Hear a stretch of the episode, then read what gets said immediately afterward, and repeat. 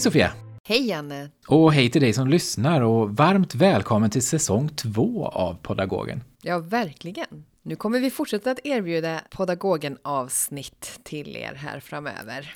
Ja, och vilka är vi då? Jo, vi är Janne Kontio och Sofia Lundmark och tillsammans så gör vi den här podden nu för andra säsongen. Och vi gör den här podden som vi kallar för Podagogen, som är en podd för pedagoger med pedagoger om pedagogik. Och vi gör det här i samarbete med Skolporten för att sprida färska forskningsresultat i ämnet pedagogik eller något närliggande forskningsområde. Och målgruppen är pedagoger i väldigt bred mening.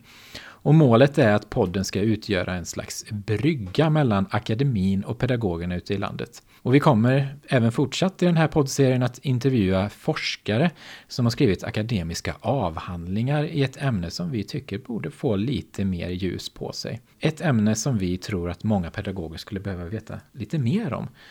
Och Målet är också att vi med den här podden ska få in så stor bredd i det här med pedagogik som möjligt. Och med det så menar vi olika pedagogiska ämnen, olika pedagogers verksamheter och olika forskare, olika forskningsområden och olika lärosäten och försöka få in så mycket av hela Sverige som möjligt. Så därför reser vi runt land och rike runt för att försöka få tag på de här spännande forskningsresultaten. Vad handlar det om idag, Sofia? Jo, idag så har vi rest. Vi har rest till eh, Karlstad för att träffa en forskare och Eh, fokuserat på ett tema för det här avsnittet som är sex och samlevnadsundervisning riktad till tonåringar. Och numera så är ju sex och samlevnad ett ämnesområde som ska finnas med i all lärarutbildning för att alla lärare ska kunna arbeta med de här frågorna. Och vi tycker att det här ämnet är så himla intressant för att dels på grund av det här då, att det här är någonting som alla lärare ska behöva förhålla sig till eller kommer att behöva förhålla sig till. Och också för att Eh, det här är någonting som väldigt många har erfarenhet av att inte haft så bra sex och samlevnadsundervisning under sin skolgång. Det är många som beskriver att det har varit lite knepigt och att man har upplevt det som pinsamt med sex och samlevnadsundervisningen under sin högstadietid, kanske framför allt då man också behöver det som mest, tänker jag. Och någonting som eh, har framkommit väldigt tydligt, det är att eh, tonåringar vill ha mer kunskap om sex och samlevnad eller behöver mer kunskap om sex och samlevnad. Och det här har kommit fram i en avhandling som forskaren Brian Unis har skrivit. Och den här avhandlingen den heter Sexual Health and Sexual Health Promotion in the Transition from Adolescence to Emerging Adulthood. Och och eh, avhandlingen visar att undervisning och stöd till tonåringar behöver ta hänsyn till både tonåringarnas ålder, mognad och kön i högre grad än vad det gör just nu. Och att man också behöver skapa samverkan mellan olika aktörer för att kunna ge så bra sex och samlevnadsundervisning som möjligt. Och också för att kunna diskutera de här frågorna tillsammans med olika aktörer som arbetar med tonåringars sexuella hälsa. Och vi tyckte att det här lät så spännande så vi åkte till Karlstad för att träffa Brian och ta reda på mer om det här. Det gjorde vi. Ska vi lyssna på det? Ja! Hurra! Hej Brian, vad kul att få komma till Karlstad. Tack. I den här poddserien så brukar vi alltid inleda med att prata om avhandlingens titel. Skulle du vilja förklara titeln? Jag tänker att eh, det är ju vissa delar i titeln som är viktigt och det handlar om ungdomar i tonåren och att de håller på att utvecklas. De är i en fas i livet där de kommer att bli unga vuxna och under den här tiden så utvecklar de sin sexualitet. Så att det är lite det här, vad som händer i den här perioden i livet med sin utveckling. Också att man fokuserar på sexuell hälsa i och med att det handlar om omvårdnad, att hur man kan hjälpa ungdomar att utveckla en hälsosam sexualitet. Så det är lite tanken bakom det hela. Och varför blev det så att det blev just barns övergång från tonåring till ung vuxen som du kom att intressera dig för i din forskning? Jag tänker just det här utvecklingsperspektivet är ju intressant för att eh, eh om man går in lite på eh, själva studierna vad ungdomarna har sagt att de ofta säger att sex och samlevnadsundervisning inte varit anpassad efter deras kunskap och mognad. Att det kommer för sent, att de kanske redan vet saker. Samtidigt som de har andra saker de brottas med och tänker på som inte tas upp. Så att det är viktigt att man är i fas med deras utveckling och att känna till vad de har för frågeställningar och, och funderingar som de har. Och den, den ändras allt eftersom de blir äldre och får mer kunskap, mer erfarenhet och större mognad. Och Brian, hur kom det sig då att det blev just du som skrev den här avhandlingen om sexuell hälsa? Vart kommer du ifrån? Jag är ju barnsjuksköterska och har arbetat i många år inom skolhälsovård. Allt från eh, förskolan till högstadiet har jag arbetat med och korta perioder på gymnasiet också. Men i alla fall så har jag varit inblandad i ett projekt för många år sedan, ett regionalt projekt där man arbetade tillsammans, skolhälsovård eller skolsköterskor tillsammans med ungdomsmottagningarna i den kommun där man arbetade. Och då var det för att se hur man kunde samverka för att påverka ungdomars sexuell hälsa och kunna delta i sex och samlevnad, alltså rent vad finns det för olika didaktiska metoder? Hur skulle man kunna eh, prata om de här ämnen? Hur man ska göra det på ett bättre sätt. Och i och med det så kom det ju lite frågeställningar. För att det är viktigt när man forskar att man har evidens och man vet vad säger forskningen. Så det kom en del forskningsfrågor som jag tänkte men det skulle vara ett intressant område att forska om. Så att det blev lite startskottet till min forskning. Och sen när du började forska, vad använder du för metoder? Hur studerar du detta? Ja, och det är någonting som man utvecklar som forskare också. Men min första forskningsfråga var att se om det fanns någon koppling mellan självkänsla och sexuellt riskbeteende. Och har man en sån eh, frågeställning eller syfte så blir det ju mycket kvantitativ forskning. Alltså man mäter självkänsla, man mäter ju sexuellt riskbeteende eller faktorer som påverkar riskbeteende och så jämför man statistiskt. Så den första studien var ju mer kvantitativ. Men sen gick jag från att vara kvantitativ mer till kvalitativ forskning där jag ville förstå fenomenet mer ingående liksom och få en större förståelse. Och då har du pratat med ungdomarna och det här är ju en avhandling som rör frågor som kan vara ganska besvärliga att prata om, tänker jag. Och inte minst kanske för en tonåring. Var det svårt för dig att få tag på ungdomar som ville ställa upp? Och var det svårt att få dem att börja prata om de här frågorna? Det är en jätteintressant fråga för att både ja och nej. Alltså jag upptäckte min andra studie, då gick jag ut och skulle göra det i fokusgrupper. Och då tänker man, ja men kanske de tycker det är svårt att prata i grupp om sådana saker. Sen är ju också naturligtvis att, alltså man tänker etiskt att jag ställer inga frågor kring deras egen sexuella beteende och sexualitet utan jag frågar mig allmänna frågor kring ungdomar i din ålder, hur tänker man i er ålder kring olika frågeställningar. Så jag försöker hålla det så att det inte är utlämnande, att man försöker skydda dem, deras integritet och göra det på ett etiskt bra sätt. Men det jag upptäckte var att um, när man fick, det, det, här gjorde jag i, gick ut i olika klasser och de klasser som ställde upp och ville vara med de tyckte det här var jätteroligt. Alltså de tyckte att det var jätteroligt att diskutera. Så det här är precis den sex och samlevnadsundervisning som vi inte fick när vi ville diskutera. Och jag tänkte det här är ju, det här är ju forskning, det är, inte, det är inte undervisning. Men de uppfattade det lite grann som att det var liksom något extra de fick som de inte fick på sex och samlevnadsundervisning. Så jag fick ju väldigt, väldigt fina och otroligt bra diskussioner med ungdomarna. Det var, det var bra. Sen på min tredje studie så ville jag göra individuella intervjuer för jag tänkte det kan, kunde vara känsligt. Och då plötsligt så det var jättesvårt att få dem att ställa upp. Jag var i en klass och de frågade kan vi komma i par? Och så tänkte jag, men jag hade ju en metod som heter grounded theory och då kan man samla data på olika sätt. Så jag sa, ja men det kan ni göra. Plötsligt så ville halva klassen vara med. så då visade det sig att det var väldigt jobbigt att vara ensam med mig men om man hade sin bästa kompis eller sin lilla grupp plötsligt så var det ju helt okej. Okay. Så att det är liksom en aha-upplevelse jag fick kring just att prata kring de här frågorna. Och just det här med att eh, de eleverna säger att det här är sexualundervisningen som vi inte fick är ju ganska talande och att det finns ett behov hos de här ungdomarna att få prata om de här frågorna.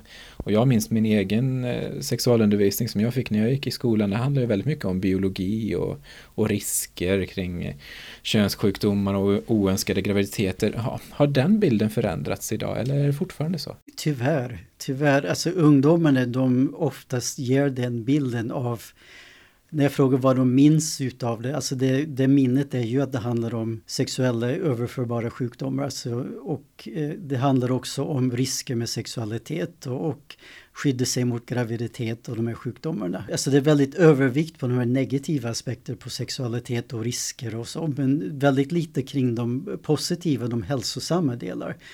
Och mycket av de här frågorna de har, det är ju frågor om hur har man sex och vad, hur ska det kännas? När det här samtyckeslagen kom det jättemycket frågor kring hur ska man resonera kring samtycke?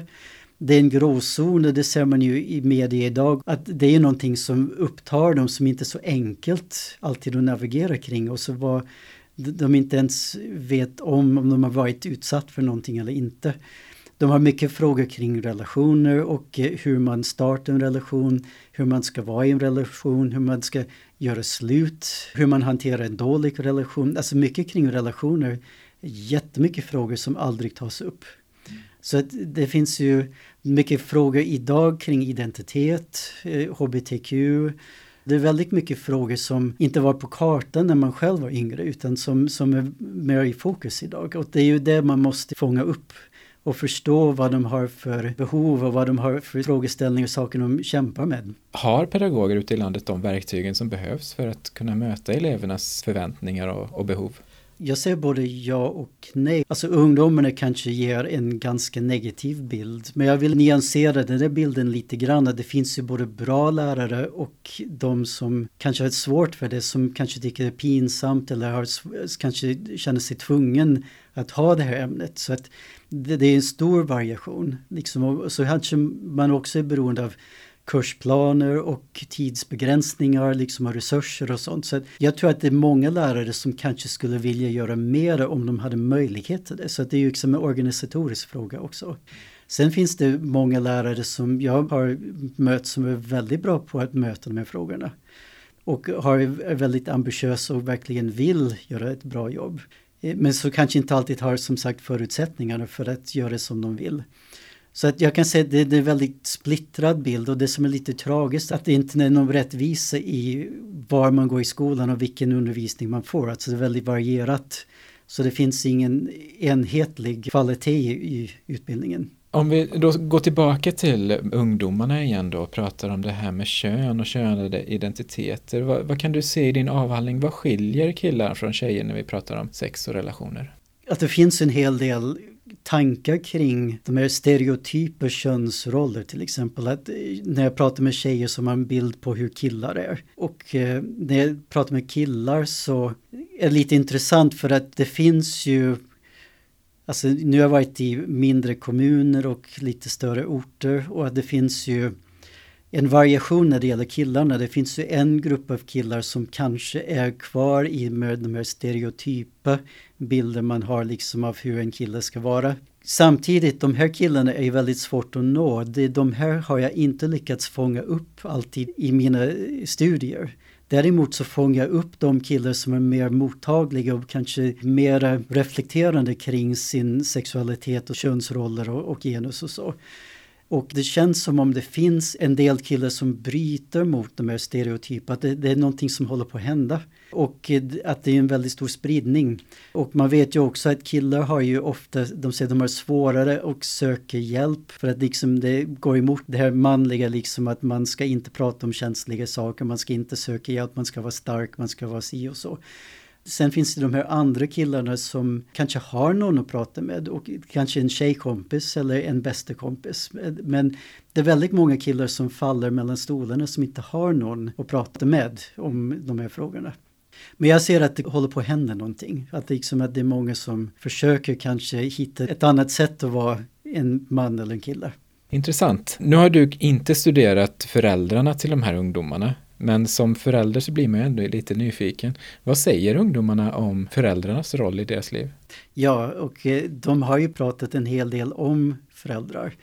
Och där kan man säga det finns också lite variation. Alltså det finns ju en del ungdomar när man kommer upp i tonåren som tycker att sexualitet är någonting de vill ha själva. Som inte vill att föräldrarna ska vara inblandat i. Alltså som de tycker är väldigt pinsamt. Samtidigt så finns det faktiskt ganska många ungdomar som väljer att gå till sina föräldrar. Så att föräldrarna är ju väldigt viktiga oavsett om man har en ungdom som pratar med dem eller inte. Jag upptäckte att ungdomarna ändå ser sina föräldrar som viktiga personer i deras liv fast man försöker ibland bryta sig mot dem. Och som sagt, en del går direkt till sina föräldrar och tycker det är helt okej okay att prata med dem.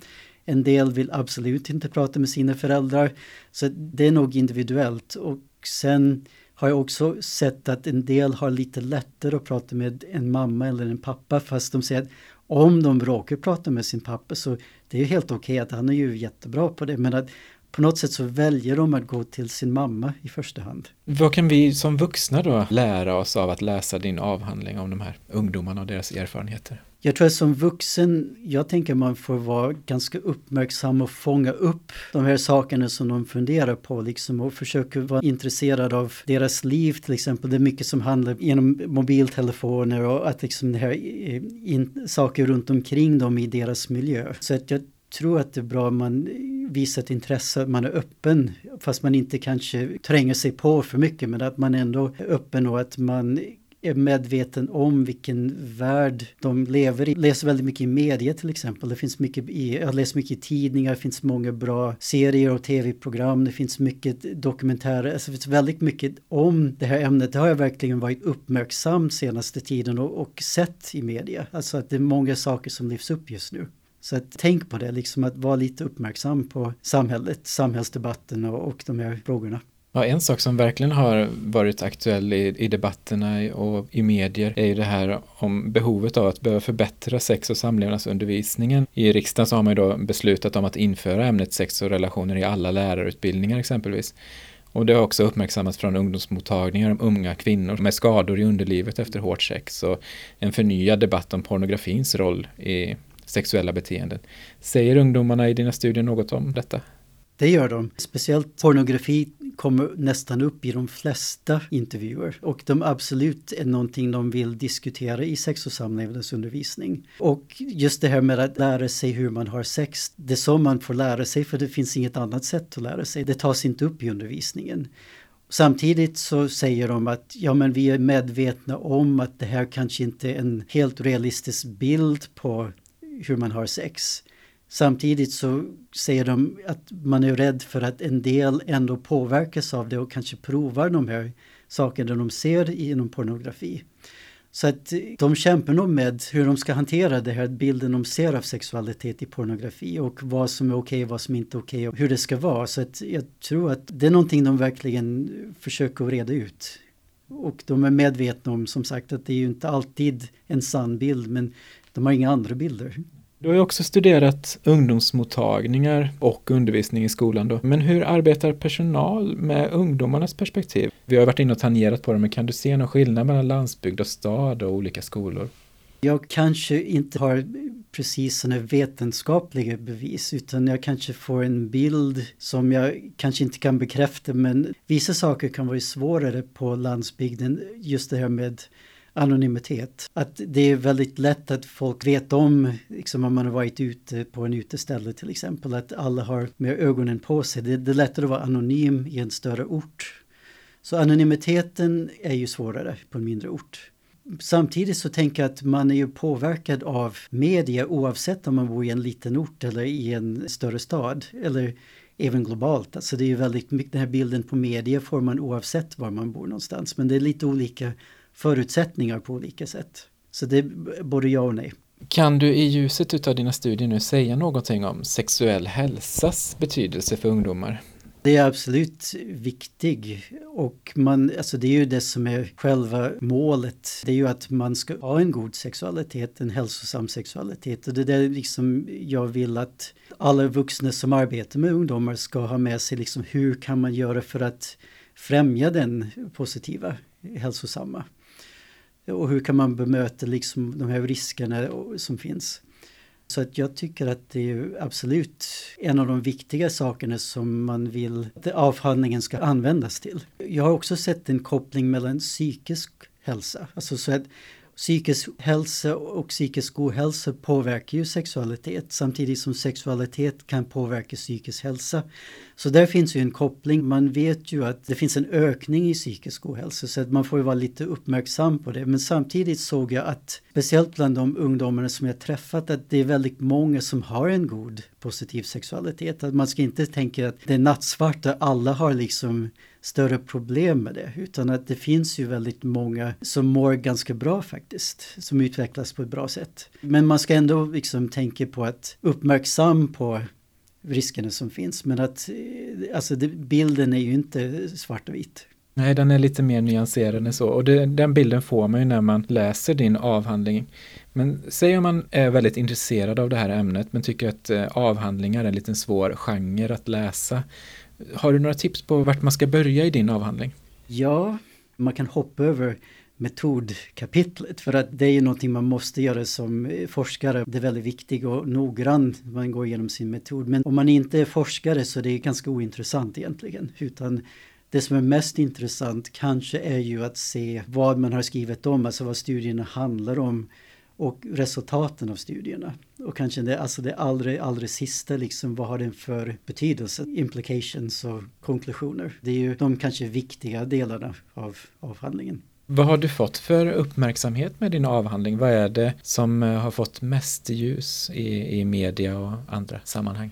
Ja, alltså jag tycker det var ett väldigt bred uppmärksamhet. Alltså allt från facktidningar som Skolskötersketidning och Barnmorskarnas facktidning.